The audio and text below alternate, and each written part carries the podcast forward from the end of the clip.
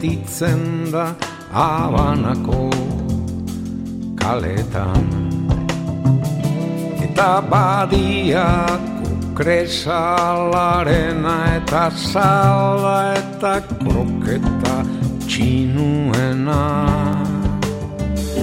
Eta kalepeko estoldetakoa eta guagua baruko jendearena eta kedarren eta kafesnearena eta automobilen kearena Uaia pastela bezain goxua mobiua bezain zoroa ¿Qué tal estáis? Os saludamos desde la Casa La Palabra. Os tenemos reservadas tres entrevistas. Las dos primeras están entresacadas del archivo del programa y la tercera es totalmente nueva. Así que escucharemos de nuevo a Borja Osín, es primer oficial de la Marina Mercante. En los últimos años trabaja en una compañía de buques gaseros que parten del Golfo Pérsico rumbo hacia Japón. Borja nos explica en qué consiste su profesión, su trabajo en un buque gasero y cómo le afectó a los marineros las restricciones de la COVID-19, ya que la entrevista la hicimos allá por el 2 de marzo de 2021. Luego vamos a compartir los micrófonos con la fotógrafa Gema Arrugaeta y la baserritarra Irache Martínez Mazaga. Forman parte de Keichun El Cartea, una asociación que tiene como objetivo el acercamiento del mundo rural y marino con el urbano, teniendo como base a la mujer. Estuvieron con nosotros en septiembre de 2020 y por aquel entonces nos presentaban un libro donde las únicas protagonistas son las mujeres que habitan y trabajan en el medio rural y en el litoral de Vizcaya. Quieren reflejar ese medio rural y marino en femenino para reconocer sus valores. Y la tercera entrevista, la que es totalmente nueva, es con Óscar Martínez, doctor en Bellas Artes y profesor de Historia del Arte, autor del libro Umbrales, un viaje a la cultura occidental a través de sus puertas.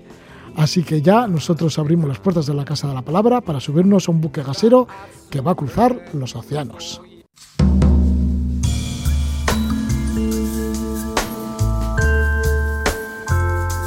En la Casa de la Palabra, escenas marinas, a golpe de ola.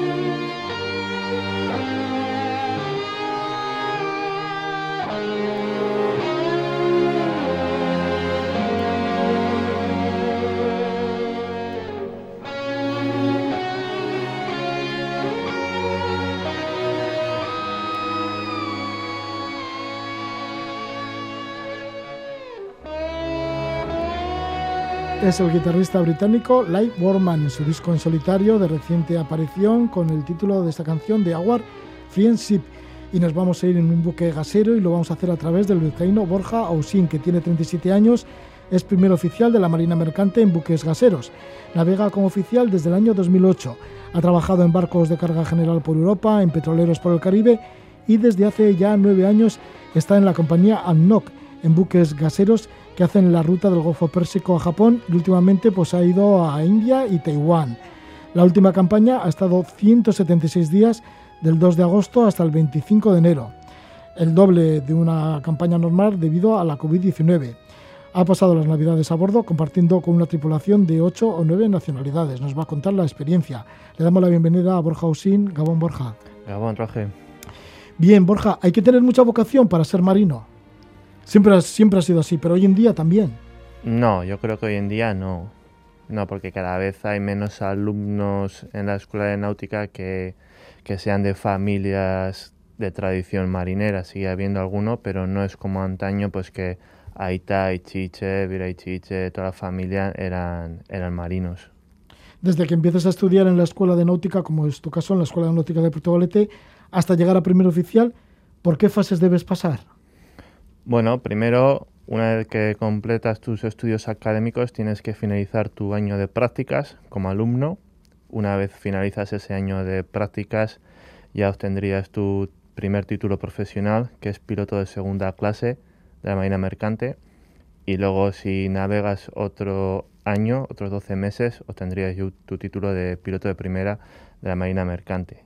Y ya luego deberías hacer otros 24 meses más como oficial para poder obtener tu título de capitán de la Marina Mercante. Al final, entre la carrera y la, y la experiencia de la mar, mínimo son nueve años. ¿Se va haciendo difícil, digo, el paso de estos nueve años? Sí, hay, es como todo. Hay momentos más difíciles, otros más fáciles, eh, momentos en los que te planteas muchas cosas y en el otro pues que estás contento y sigues para adelante. ¿En qué tipo de barcos has trabajado? Porque ya he nombrado en la presentación que has estado no solo en el, gas, en el gasero que estás ahora, pero también en petroleros, también en buques de carga. Sí, eh, yo hice mis primeras prácticas como alumno, las hice en un barco de carga general de Naviera Murueta, de aquí de, Vizcaya.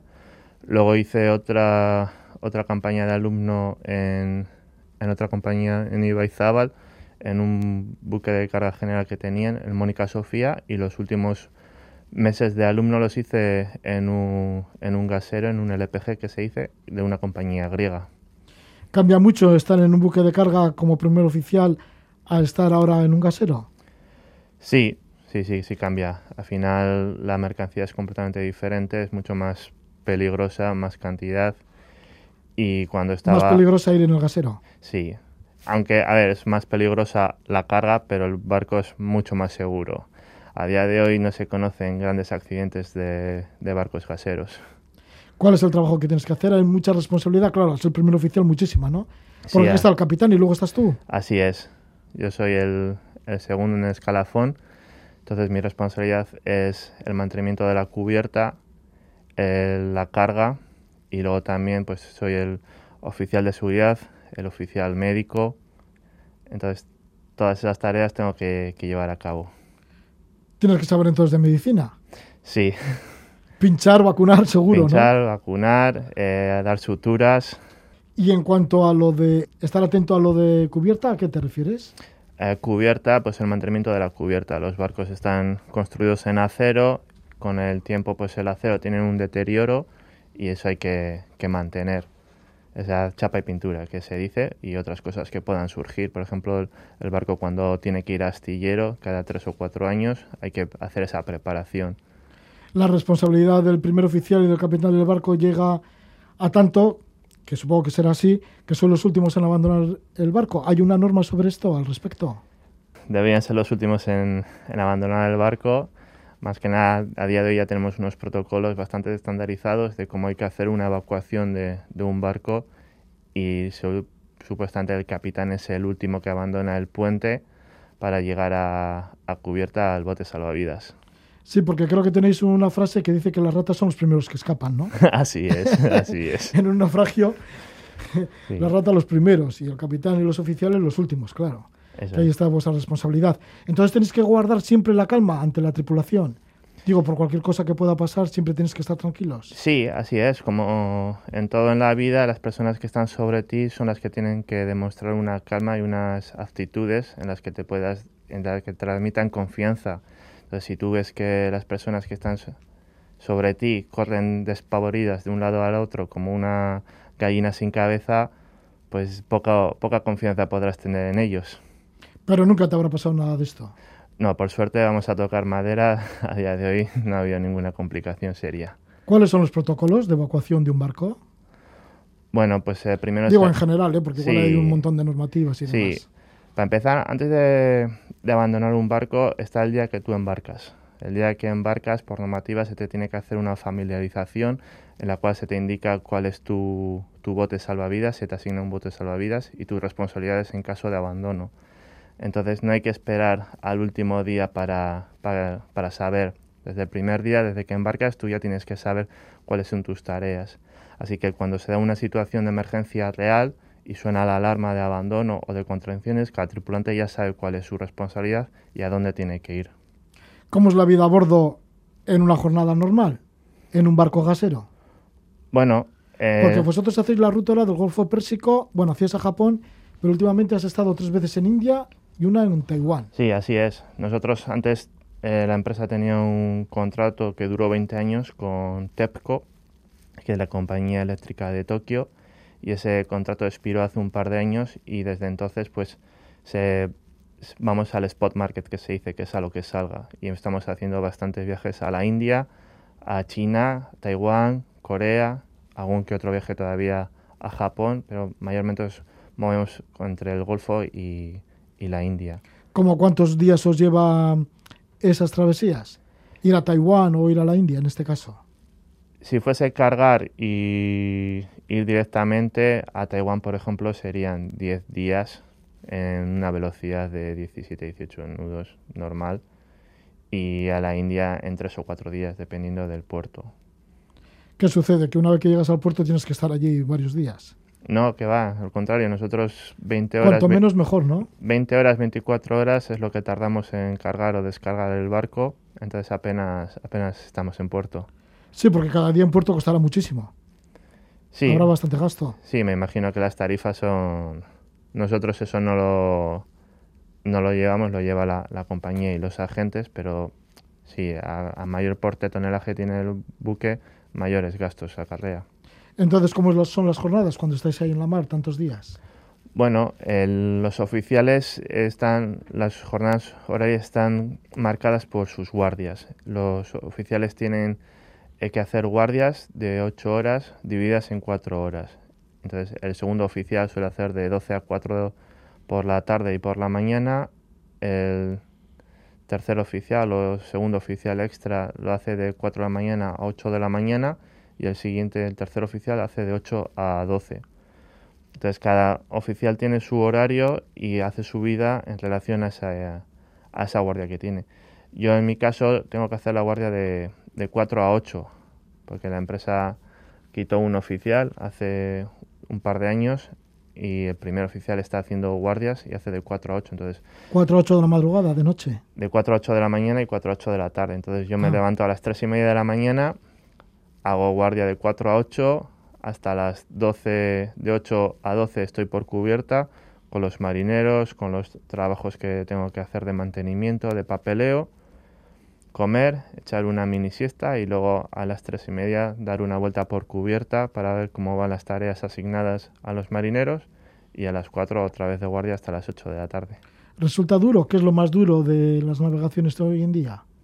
¿Estar fuera de casa también tantos días? Sí, al final, bueno, aún más en esta última campaña con el COVID que estaba todo tan, tan en el aire que no se sabía qué iba a pasar, cuándo iban a ser los relevos, dónde íbamos a poder desembarcar. Lo más duro ahora es la incertidumbre, el no saber cuándo puedes embarcar o cuándo puedes desembarcar. Sí, porque no es, no- es normal, ¿no? Tantos días como se ha estado ahora, 176. No, no, no. Normalmente suelen ser 10 semanas, que son 75 días. 10 semanas, 12 semanas, 75 días, 90 días. Pero esta vez con, con el coronavirus y la, todo lo que hay alrededor de él, pues nos hemos excedido bastante. ¿Hay algo bonito? Digo, bueno, habrá muchas cosas bonitas en tu profesión, ¿no? Porque ahí sí, estás, ¿no? ha- hay cosas muy bonitas. Sí, por ejemplo, yo que sé, estar en la mar o la llegada a puertos o, ver tierra o... Bueno, pues, eh, hay muchas cosas. Por ejemplo, a mí las que más me fascinan son los fenómenos meteorológicos, por decir. No las grandes tormentas, pero sí lo que puedes ver en la mar, eh, amaneceres, atardeceres. En, un- en cuestión de minutos pasar de una calma absoluta a viento fuerte y cómo se levantan las olas, la mar. A la noche, pues ver las estrellas, la luna, los efectos bioluminiscentes en el agua son cosas bonitas. En mi caso, por ejemplo, al estar en una compañía en la que hay muchas nacionalidades, pues convivir con gente de otros países, conocer otras culturas, otras maneras de pensar. Muchísimas gracias por estar con nosotros, Borja Usín, por habernos hablado cómo se navega en un buque gasero, así en líneas generales. Borja Usín, que es primer oficial en buques gaseros. Muchas gracias a ti, Roger.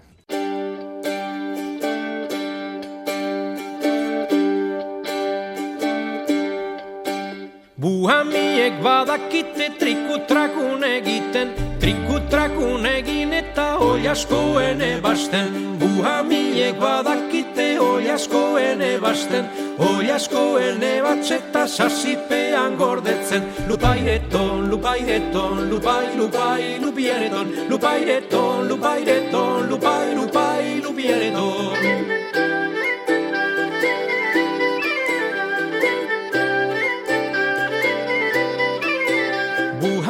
Hamiek badakite oi askoen ebasten Oi askoen ebatzeta sasipean gordetzen. Uhamiek badakite sasipean gordetzen Eltze zarean egosten saldaunaren egiten. Lupaireton, lupaireton, lupai, lupai, lupiareton Lupaireton, lupaireton, lupai, lupai, lupiareton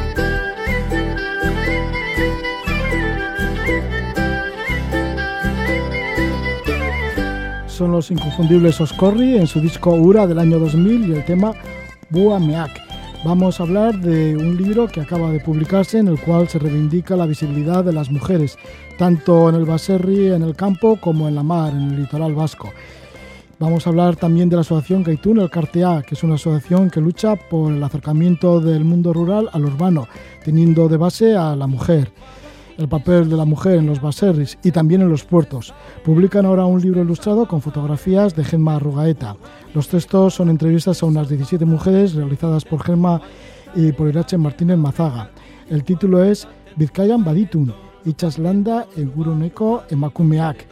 En el libro aparecen 40 fotos en más de 70 páginas a todo color, a todo color y los textos son tanto en euskera como en castellano.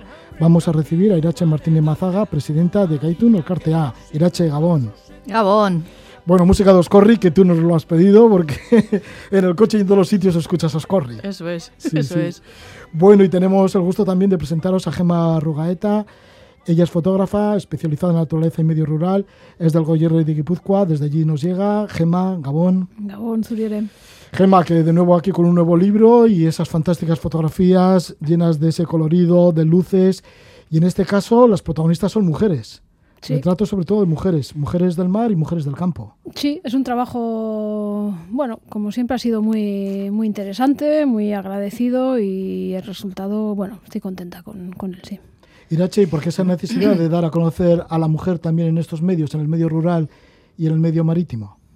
Porque al final eh, la imagen que está dando el medio rural y el, marítimo es eh, el, masculino, es el hombre. El hombre es el que se ve. Se ve el barco, se ve el patrón, se ve eh, el ganadero, el que hace el trato con, los pinos. Al final es él el que da la imagen. Y por detrás hay unas mujeres que, se dejan las horas y la vida para sacar a sus hijos adelante y para que ese caserío tenga y ese puerto tenga su funcionamiento. Sin ellas sería, sería inviable mujeres jóvenes, como puede ser tu caso, pero también mujeres a las cuales ya recogéis aquí su testimonio, que son mayores, algunas mayores de 80 años, casi hasta 90, ¿no? Eso es. ¿Qué os contaban ellas de cómo era la vida en el Baserri en otros tiempos?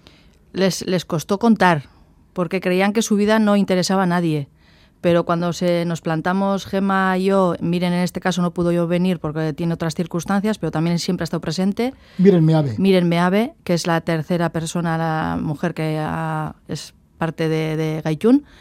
Y al final nos sentábamos delante de ellas después de unas conversaciones fuera de cámara y fuera de micrófonos y ellas no les daban importancia a lo que habían hecho y según iban contando eh, el interés o, el medio, al estar más tranquilas y al, meterse en su, en su vida y recordar cosas, eh, se hacían mucho más profundas las, las conversaciones, las entrevistas eran eh, desde que su madre, que había vivido antes que ella, se acordaban mucho de ella al final, después de las conversaciones, después de las entrevistas, y ellas eh, lo que habían hecho. Y al final, después de toda la entrevista, se dan cuenta de todo lo que habían hecho y en ningún momento le habían dado importancia.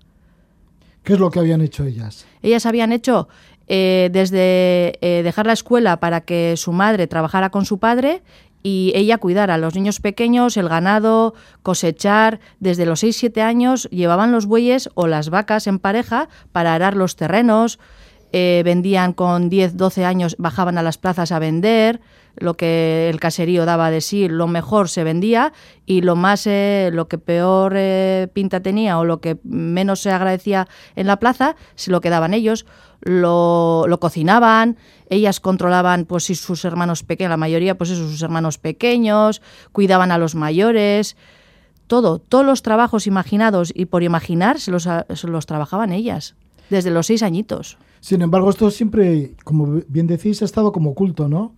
Como oculto. Incluso el caserío muchas veces no era propiedad de la mujer. Eso es. Eso Casi es. nunca. Casi Casi, nunca. nunca. casi nunca. Ellas son las que iban al caserío de, de su marido.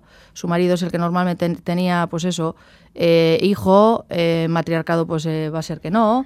Y iban al caserío de los maridos y ellas se hacían cargo, pues, de las personas mayores que se quedaban en el caserío, del ganado, porque ellos iban fuera a trabajar a traer un poco de dinero y ellas se encargaban de todo. Y ellas no tenían nada, porque iban a casa ajena y eh, eh, no se les daba ningún derecho sobre ese caserío. ¿Cómo son las condiciones actualmente en los baserris? Digo, porque tú estás trabajando, eres joven y estás Sí. trabajando en uno de ellos. ¿Cómo es la evolución de estas mujeres que os han ido contando de 70 a 80 años a lo que es hoy, hoy en día vivir en el campo y trabajar del campo? Pues tiene sus cosas parecidas, pero hemos evolucionado mucho y muy bien. Ahí en medio está mi ama, que es la parte intermedia, la, la la segunda generación, y, ella lo ve. O sea, eh, en su generación había que hacer lo que se le decía, eh, primero con los padres y luego, pues bueno, te casabas y con, con tu marido. Pero hoy en día ve pues que su hija es autónoma, tiene su propia granja, va y viene y lo que dice, preguntas, vas, sabes a dónde ir, sabes qué hacer, sabes con quién hablar, sabes cómo hablar. Al final eh, esa evolución es mucho gracias a ella, porque se ha, se ha empeñado y ha puesto todo su tesón en que sus hijos tengan estudios, tengan sus carreras, tengan sus... y a poder ser que no vengan al mundo rural, pero bueno, su hija le ha salido rana en ese sentido. Y estás en el mundo rural. tú, Estoy en el ¿verdad, mundo rural, yo tengo mis gallinas. su- tus gallinas, que son un montón. Sí, tengo 3.000 gallinas. Tres tengo- mil gallinas, Sí. que es una granja ecológica además. Eso ¿no? es, tengo huevo ecológico. Entonces, claro, ella cuando le dijo, le dije que era mundo rural, ama, vuelvo, y pues bueno, pues no le hizo mucho chiste, pero viendo el formato en el que yo ahora me he introducido en el mundo rural, que es especializarte en algo, el tener un producto exclusivamente pues natural y, y la libertad que tengo y el modo de vida que tengo, eh, la sonrisa que tienen las fotos es, eh, es el reflejo de todo ello al final. Ya, esa forma de vida, ¿no? Que supongo que es más alegre o que, como bueno, como además estáis en el medio que queréis, Eso es. sí. Eso. Y esto, mm, ya has dicho que Gaito en el Cartier lo quiere transmitir también al medio urbano. Eso. Porque, ¿qué pasa? Que cada vez hay más diferencia entre el medio urbano y el rural.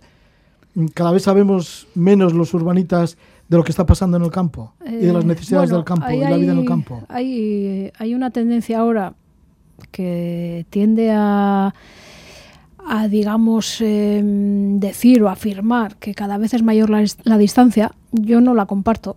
Eh, yo creo que la distancia cada vez es menor, para bien y para mal, pero sí que a su vez puede ser el desconocimiento mayor. Eh, es decir, se, la- ha dado la espalda al medio rural, que eso es otra cosa, al medio rural o al medio litoral incluso, eh, se le ha dado la espalda, pero la distancia yo creo que es más pequeña que nunca. Eh, de hecho, aquí, para lo bueno y para lo malo, las, las, incluso la distancia física es muy pequeñita. Eh, vivimos todos muy cercanos, son, en, en cinco minutos estás en un sitio de bosque, por ejemplo, o en medio de una granja de gallinas, o estás en el centro de Bilbao. Bueno, cinco minutos más, bueno, los que tardas en los atascos de Bilbao, porque no más. Pero verdaderamente la distancia y la cercanía en cuanto a generaciones, etcétera, es, es todo muy cercano. Lo que pasa que sí hay una tendencia a darle la espalda, a olvidar ese, y a no, bueno, y supongo que a no interesarte también en cierta medida, en cierta medida. Pero yo no creo que la, la- la distancia sea cada vez mayor, creo que es al contrario. Sin embargo, sí que se olvida rápido.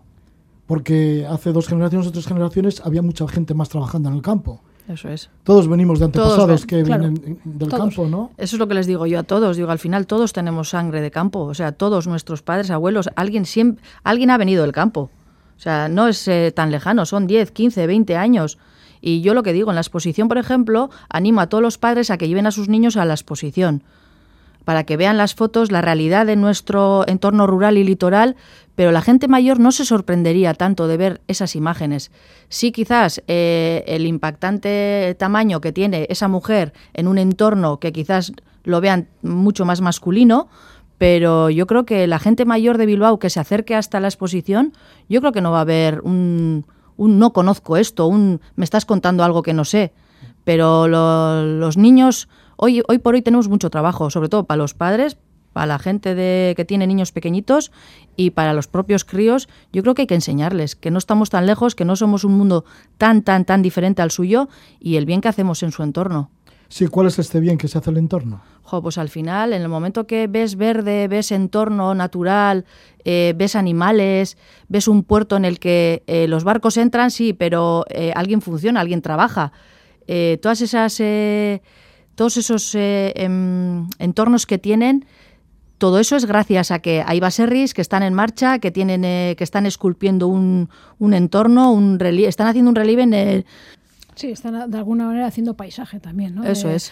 A veces para muy bien, otras para veces para no tan bien, pero, pero bueno, en lo que tenemos, mm. la naturaleza que tenemos aquí y ahora, que creo que vamos por ahí, eh, la poca que queda, que en Vizcaya, bueno, pues eh, bueno, bueno, digamos sí, que queda poco porque hay unas grandes amenazas, ¿no? Digamos que están estamos, grandes infraestructuras, está, el ladrillo, se está destrozando está el todo a unas velocidades demasiado rápidas y luego eso va a tener su factura, sí o sí, eso está claro. Pero bueno, eh, sí que en cuanto a, a lo que es la, la, naturaleza, en lo que es la comunidad autónoma del País Vasco, la naturaleza que hay es eh, para lo bueno y para lo malo es medio rural. Es decir, esa naturaleza está totalmente humanizada, la, que queda.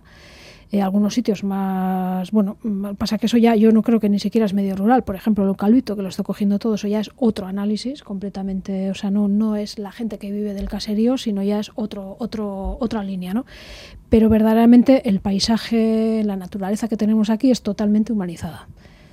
Entonces, esa humanización es la que ha sido durante siglos por parte del, del medio rural y litoral, en este caso. ¿no? Mira, Che, ¿y a veces os sentís como incomprendidos? A veces nos sentimos... Y amenazados incluso. Eh, nosotros somos como una especie invasora en este momento. Y lo he dicho más de una vez. Eh, en el momento que te mueves, te miran como tú eres el que está fuera de lugar. Digo, ¿cómo que fuera de lugar? Si al final lo que estoy haciendo es mantenerte tu entorno, eh, darte un alimento sano, una cultura, un... o sea, estamos manteniendo lo que nuestros padres y abuelos han, han trabajado tanto, la semilla que han, que han puesto en la tierra, y lo estamos intentando mantener para que no degenere. Y al final lo que estamos haciendo es crear riqueza somos para crear, o sea, yo creo que somos eh, las pepitas de oro en este momento y somos las que damos valor a nuestro entorno natural. Y, eso es lo que no se está viendo. Hmm. Sí, por eso es básico, ¿no? Respetar y, dar comprensión al medio rural, a los baserris y luego también lo que toca Gaitún el Cartea, no solo es el tema el medio rural, sino también el litoral, ¿no? Las mujeres que están en, en el tema de la mar. Eso es. Cada vez hay menos, cada vez eh, van desapareciendo todas y ahí se nos va, se nos va de las manos eh, la, riqueza y todo lo que hemos eh, sido. al final Euskal Herria ha sido mar, monte y, de lo poco, lo que ha dicho Gema, de, de lo que teníamos, al final se nos quedan muy, muy, muy poquitas. Sí, el litoral que, bueno, yo personalmente, para mí ha sido un descubrimiento porque no apenas lo conocía. Y, y claro, ahí la realidad bueno, con sus diferencias, pero similar. Cada vez hay menos barcos, hay menos pesca. Eh, entonces han bajado, bueno, los datos que dieron el otro día, una de ellas en la presentación que hicimos en las juntas generales, eran demoledores. De 300 barcos en pocos años han pasado a 25 en un solo puerto, con lo cual, claro. En el puerto Bermeo. Exacto. Entonces eso trae consigo que todos los trabajos relacionados, no solo los pescadores que van a alta mar, sino todos los trabajos relacionados con eso, pues, pues, pues van, van en, en, en peligro de extinción al igual que otros animales que aparecen aquí también, por cierto, que eso es un poco también la, llamada de atención. Por ejemplo, hay un caso aquí que, bueno, pues sí que me gustaría igual comentarlo, el de Virginia Alguea, que es una persona nacida en el centro de Bilbao, hizo una apuesta eh, junto con su marido para, para apostar por una raza de oveja propia, la oveja carranzana, que es de Vizcaya, además es concretamente, y está en peligro de extinción, es completamente desconocida y es parte de, bueno, de, las razas que están aceptadas dentro de, la denominación de origen de Diazábal, del queso. Entonces, claro, es como eh, es todo muy desconocido, es todo muy, muy especial, pero a su vez necesita esa, esa apuesta, digamos. ¿no? Y en este caso, bueno, lo que podemos hacer, y creo que hemos hecho con un primer pasito, es recoger todos esos testimonios, recoger toda esa riqueza mm, en muchos sentidos que, existe y que está viva todavía y e intentar difundirla, intentar enseñarla y intentar dar un toque de atención para que eso se, se valore y cuando empiezas a conocer y valorar una cosa, a lo mejor apuestas por conservarla. Pues ahí está, y además con la brillantez que ha salido este libro, con las fotografías de Gemma Arrugaeta aquí con nosotros, con un color precioso, una luz bellísima y esos retratos de esas mujeres, ¿no? Que, que se da a conocer un poquito toda la vida interior que llevan detrás y todo lo que han peleado tanto en los baserris como en el tema de tema marino, ¿no? En el litoral vasco. Muchísimas gracias por estar con nosotros. Gemma, que vaya todo bien. Es que casco. Enhorabuena por el libro, Sorionak. Es que casco.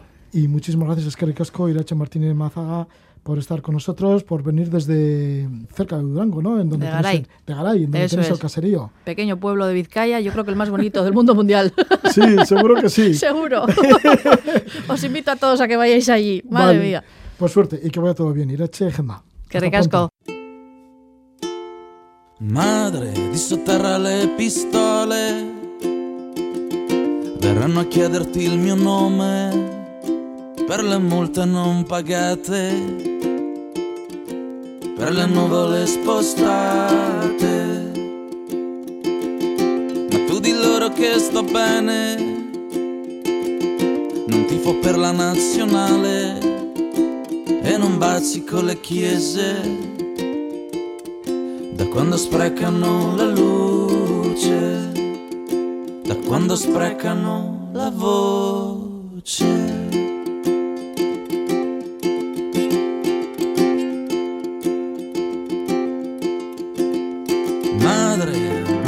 L'ascensore, vogliono cose di valore, dagli quaderni delle medie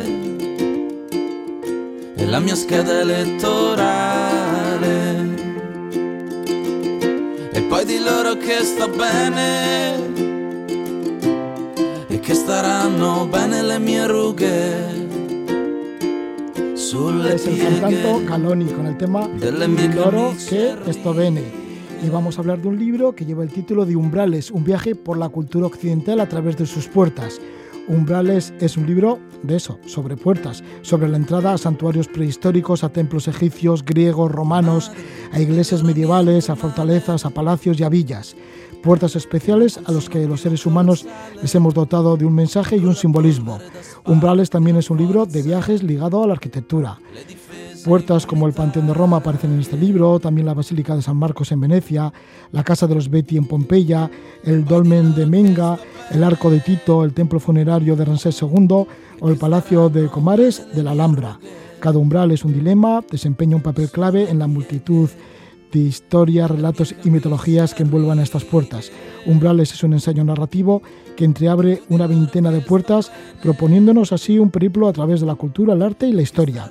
Vamos a pasar por algunas de estos umbrales, algunas de estas puertas, de la mano de Óscar Martínez, un viaje a la cultura occidental a través de sus puertas. Le damos la bienvenida a Óscar Martínez. Buenas noches, Óscar. Hola, buenas noches. ¿Qué tal, Roge? Encantado de hablar contigo. Igualmente. ¿Qué puerta fue la que te dio la idea de escribir el libro? ¿Cuándo se te ocurrió pasando una puerta que dijiste, uy, esto de los umbrales tiene que ser emocionante escribirlo? Pues mira, realmente no hubo una puerta que me diera así como la idea. Yo tenía hace tiempo la, intuición de que me apetecía, eh, no sé, ni siquiera escribir un libro, sino, bueno, poner un poco por escrito, pues muchas historias, narraciones, anécdotas que a lo largo de mis años como docente y, bueno, y conferenciante, pues eh, me había dado cuenta que, bueno, que eran capaces de atrapar la atención de, de alumnos o de, o de la audiencia. Y bueno, la arquitectura siempre me ha fascinado, es una disciplina que yo estuve a punto incluso de, estudiar en su momento, y se me ocurrieron varios pretextos para hacer, para, para englobar todo ese tipo de historias. Se me ocurrieron las escaleras, las columnas, las ventanas y también las puertas.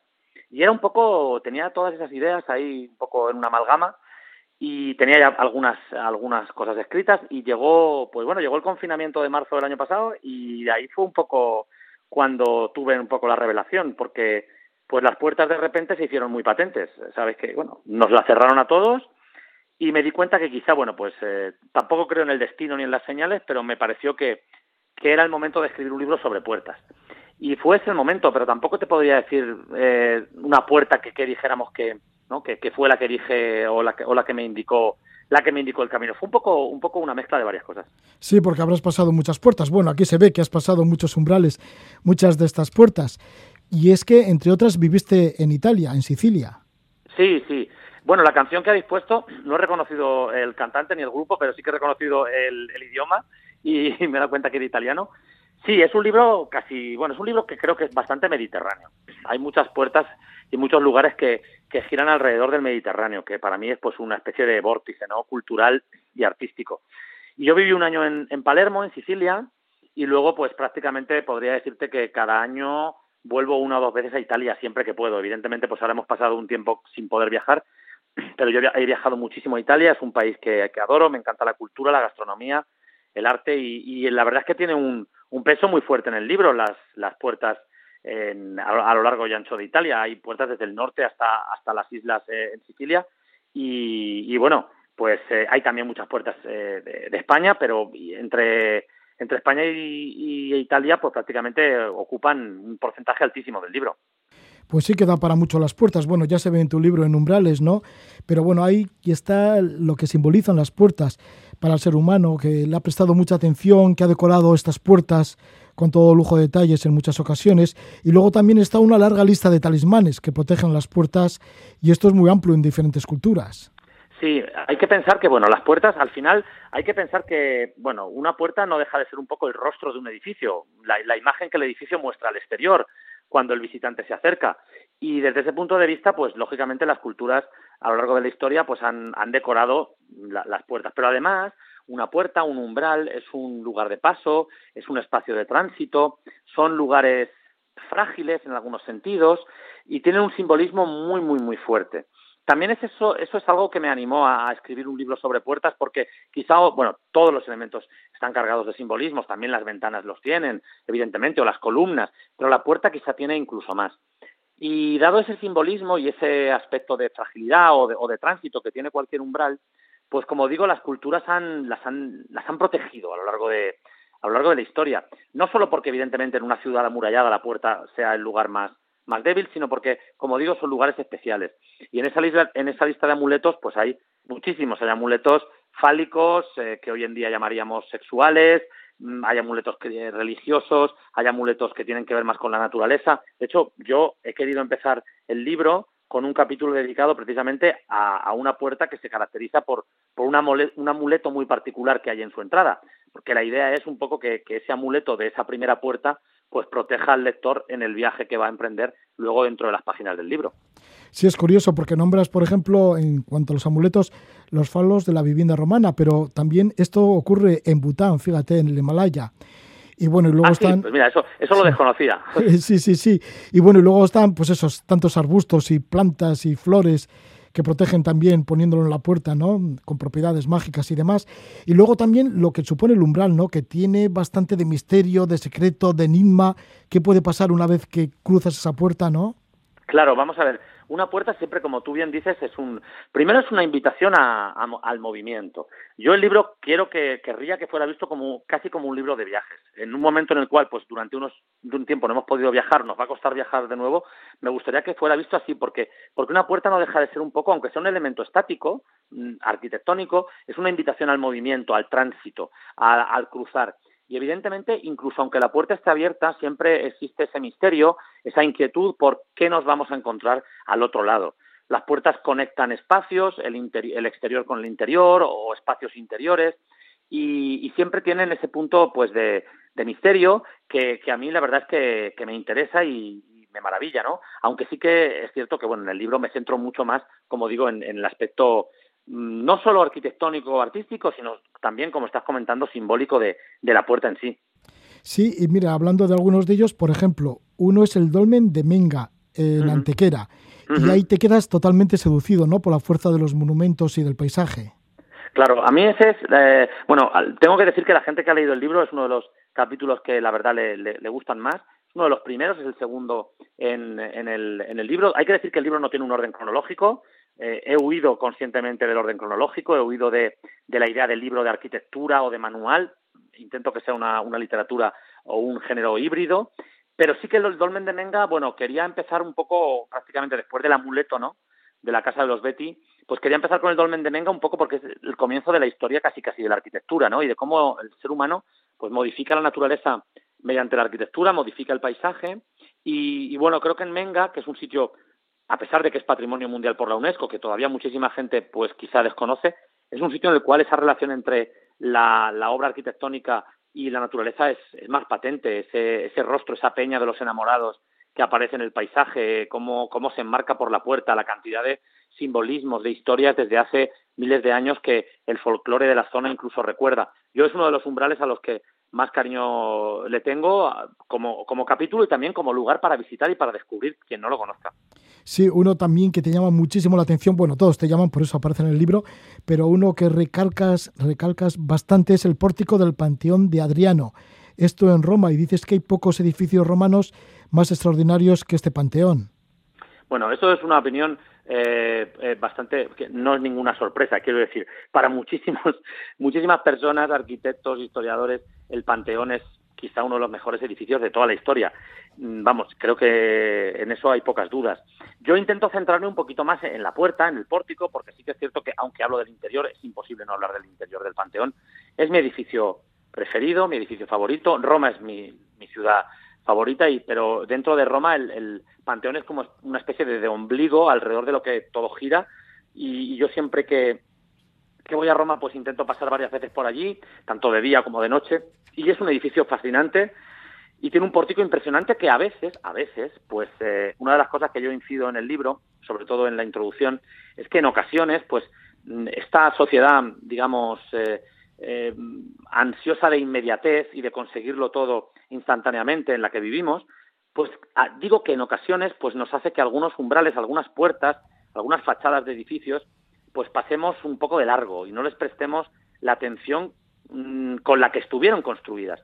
El Panteón, bueno, el interior del Panteón lo conocerán muchísimos de los oyentes, eh, pues es una maravilla, es un, una auténtica eh, joya de la arquitectura, pero aunque es una especie de imán que te atrapa y que te, que te, que te atrae, hay que intentar también prestar un poco de atención al, al exterior, a ese pórtico espectacular de columnas eh, enormes, monolíticas, y yo pues he intentado pues detenerme un poquito más ahí, que realmente si uno lee pues historia de la arquitectura, manuales o, ensayos, es donde menos se ha centrado la atención, y bueno, pues precisamente este libro intenta poner el foco en, en elementos arquitectónicos quizá no tan, no tan manidos, ¿no?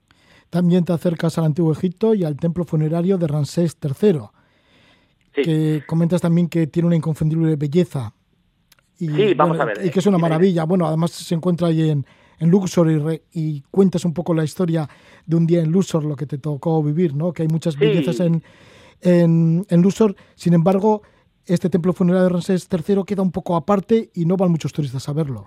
Sí, sí. Bueno, el libro yo lo que intento es un poco, como he dicho antes, una especie de género híbrido en el que haya pues algunas, como una especie de libro de viajes, referencias, eh, vivencias personales de, a la hora de visitar los lugares y, bueno, también un poco una especie de pequeña guía, ¿no? O dar pistas a, a posibles viajeros para que descubran pues algunos de los de los umbrales. Y, y en concreto en Luxor yo he estado bueno he tenido la suerte de ir dos veces a Egipto y la primera visita hace años este templo no entró en, en el recorrido. Sabes que bueno pues hay partes de Egipto en la que prácticamente es muy difícil salirse del turismo digamos más eh, organizado y en la segunda, hace muy poco tiempo, justo antes de la pandemia, pues pude visitar de nuevo Egipto y tuve la suerte de, de, de poder ir a este, a este templo que de verdad que te encuentras pues con la décima parte de, turistas que en el resto de, de otros monumentos de Luxor.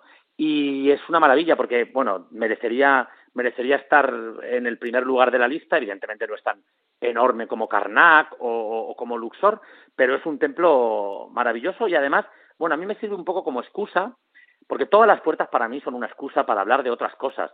Insisto, no es un libro de arquitectura, es un libro en el cual, pues yo aprovechando eh, este, esta puerta al templo funerario de Ramsés III, pues yo hablo de la propia vida de Ramsés III, que es una vida apasionante, con una cantidad de, de hechos pues realmente sorprendentes.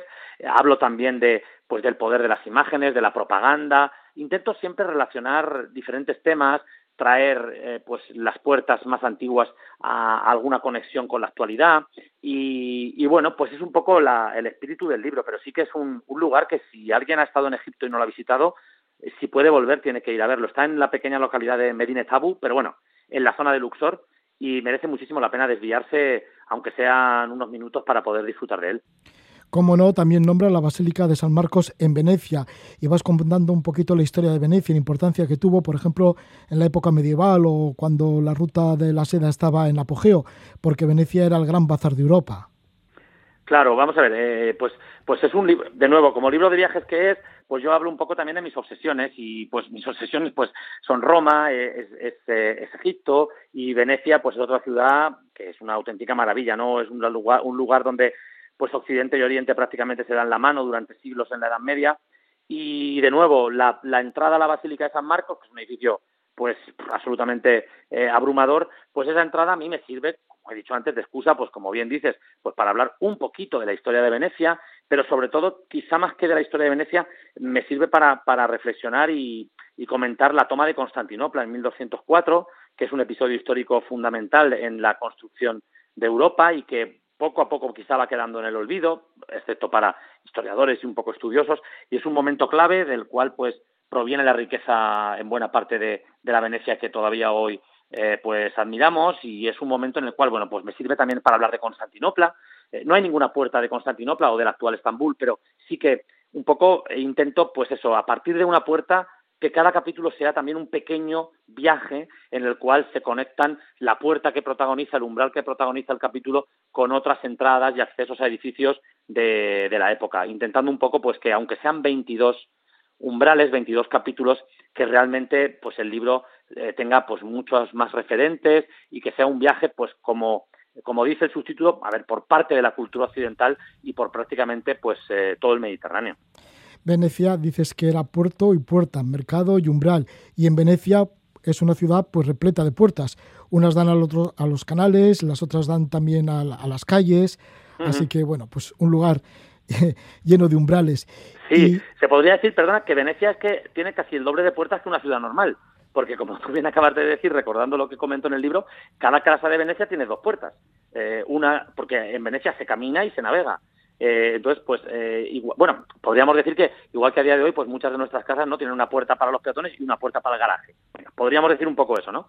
Pues eso era, ocurría en Venecia. Todas las casas tenían una especie de puerta de garaje, que era la puerta por la que se accedía a las góndolas, y, o a otro tipo de barcos, y luego la puerta que daba a, la, a las calles y a, los, a las plazas, que allí llaman campi llaman campos en lugar de, bueno, menos la plaza de San Marcos, que es la única que tiene el nombre de plaza.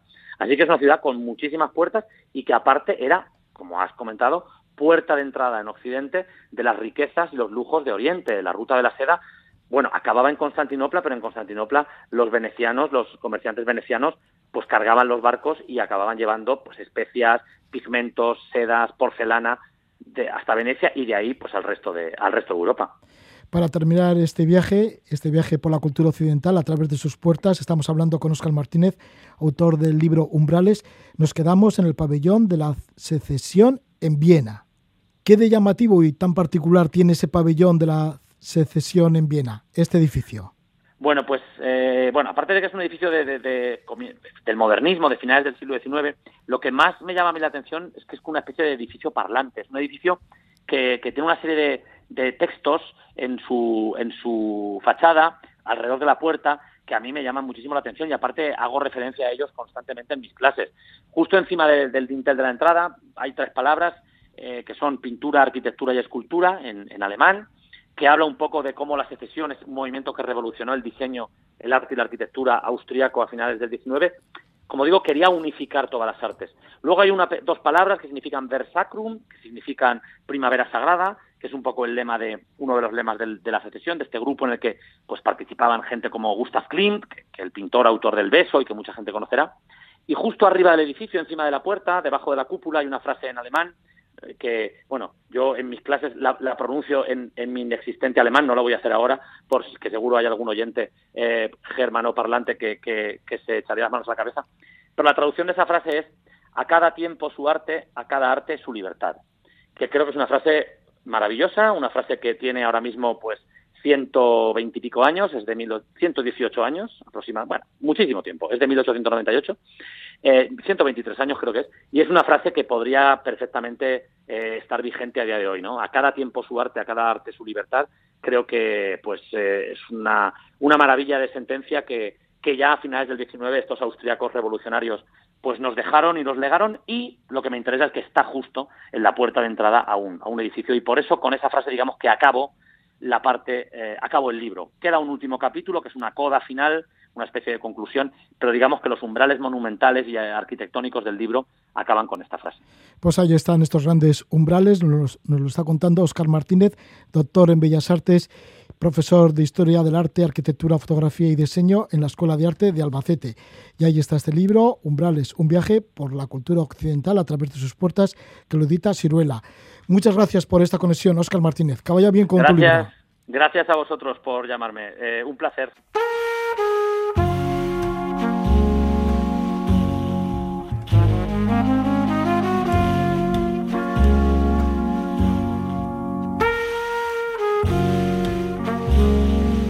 Óscar Martínez se ha fijado en las puertas y lo que se abre entre ellas. Grandes culturas, buen arte. Ahí está este libro, Umbrales, un viaje a la cultura occidental a través de sus puertas. Una entrevista totalmente nueva que os hemos ofrecido en esta edición de La Casa de la Palabra. Ya terminamos, lo hacemos con la música de la maliense Fatumata Diawara y el tema Fenfo. Que disfrutéis mucho.